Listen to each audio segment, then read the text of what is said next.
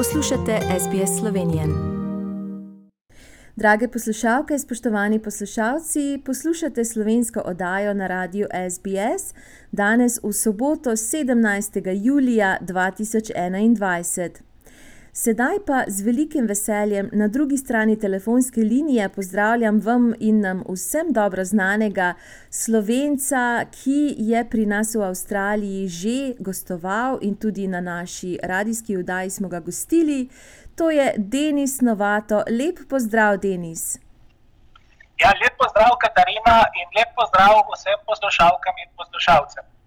Kako je sedaj situacija v Evropi? Je eh, se življenje vrnilo dokaj v ustaljene tirnice ali še ne? Pa, če iskreno povem, začenja se počasi malce dogajati, ampak še zdaleč od tistih normalnih časov, kot smo jih bili glasbeniki vajeni.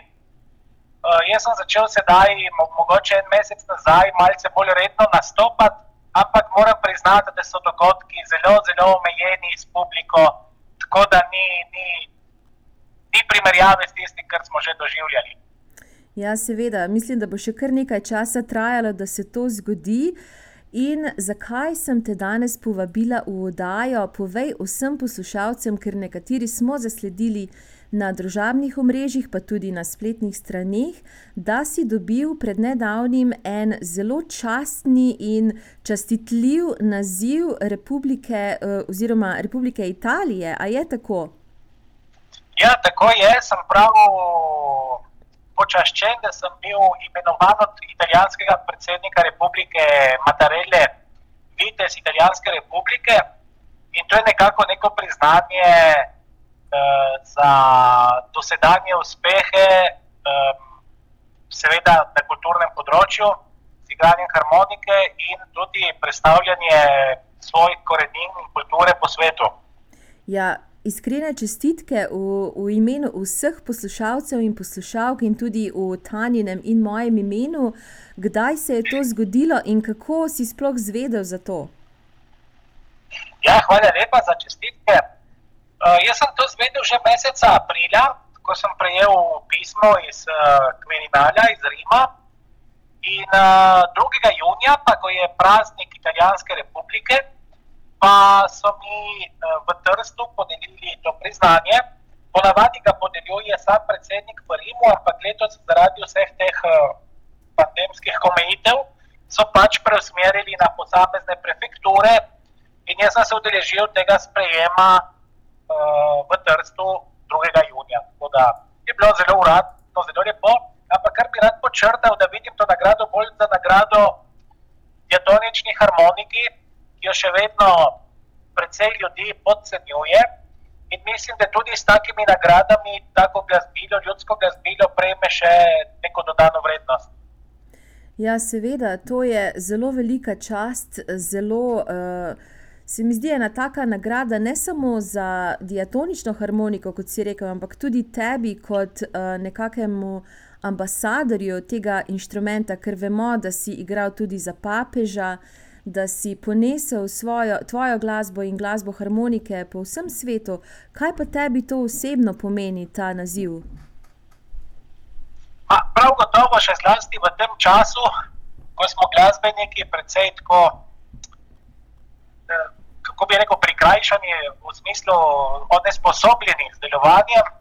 Uh, če dobiš tako priznanje, nekako imaš spet neko upanje in lažje delaš za naprej, malce razmišljamo o novih projektih.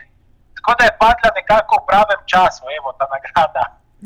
In uh, sem, sem seveda počaščen, da jo imam, tudi ker ni zelo običajno, da tako nagrado prejme v Italiji, recimo član slovenske manjšine in, in, in, in še toliko bolj harmonikar. Ne? Ja, in kaj, eh, kaj to pomeni za tvoje prihodnje projekte, kaj se zdaj v prihodnosti dogaja pri tebi, v tvoji glasbi, pa morda, če našim poslušalcem malce razložiš, kaj imaš v načrtu? Jaz sem izkoristil ta čas, najprej, da sem se odpočil, ker prav lansko leto marca sem se vrnil prav iz Avstralije. In že ko sem se vračal, sem imel ogromno srečo, da sem se lahko vrnil direktno domov, brez nekih zastojev. ker sem letel na Nemčijo, če bi letel na Italijo, bi bil, bi bil že problem takrat.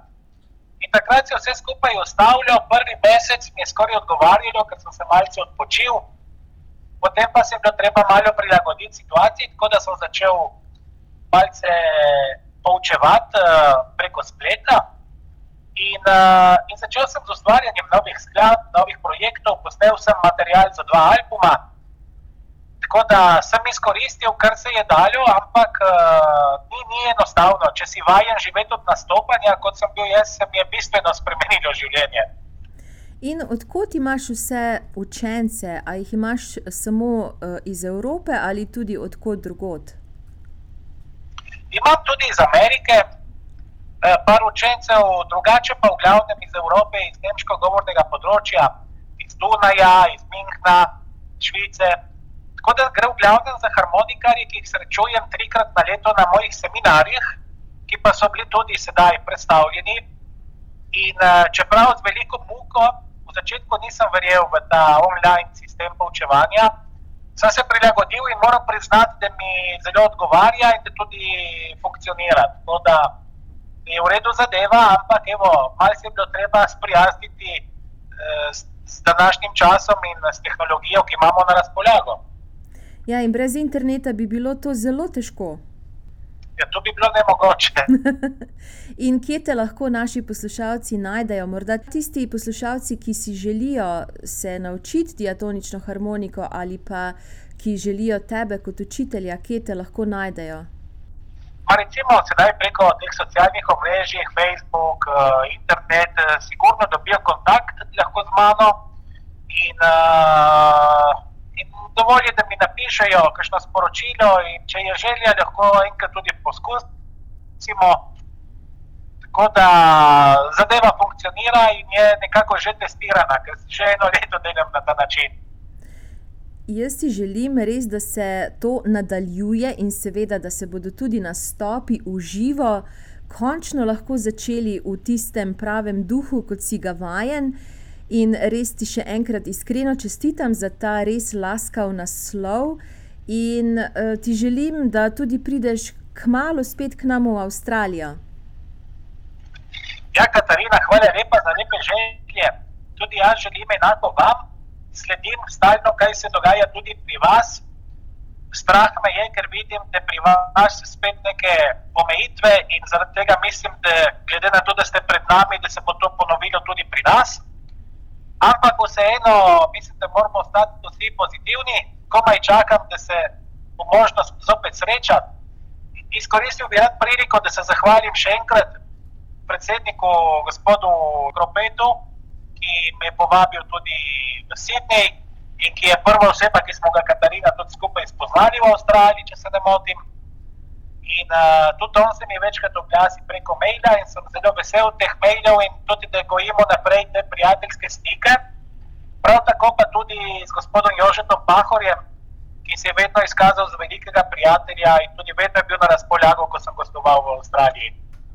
Ja, oba, Petr Krope in Jože Pahor, sta res zaznamovala tisto našo prvo avstralsko turnejo davnega leta 98 in verjamem, da si tudi ona dva želita, da spet prideš v, med nas in da nas razveseliš z glasbo in z diatonično harmoniko, ki ti res lepša tvoj svet, tvoje življenje in sedaj seveda si vites. Kako se pa to po italijansko reče? Ta naziv v italijanščini se reče Cavaliere della Repubblica. To je dobesedni prevod gre pa nekako za, kot sem povedal, za nek, uh, mislim, to je nagrada za uh, kulturno ustvarjanje v mojem primeru. In upamo, da bo še dolgo kulturno ustvarjal. Seveda, brez tvoje glasbe tudi danes ne bo šlo, zato zaključiva naj in pogovor s tem, in seveda ti želim vse najboljše, pa da se ponovno spet slišiva in vidiva v bližnji ali pa daljni prihodnosti. Hvala lepa, Katarina, še enkrat lepo zdrav vsem prijateljem v Avstraliji. Želim vam obilo zdravja, da bi čim lepše premostili te čudne čase in da se kmalo spet vidimo in nazdravimo. Želite slišati sorodne zgodbe? Prisluhnite jim preko Apple ali Google podcasta, preko aplikacije Spotify ali kjerkoli drugje.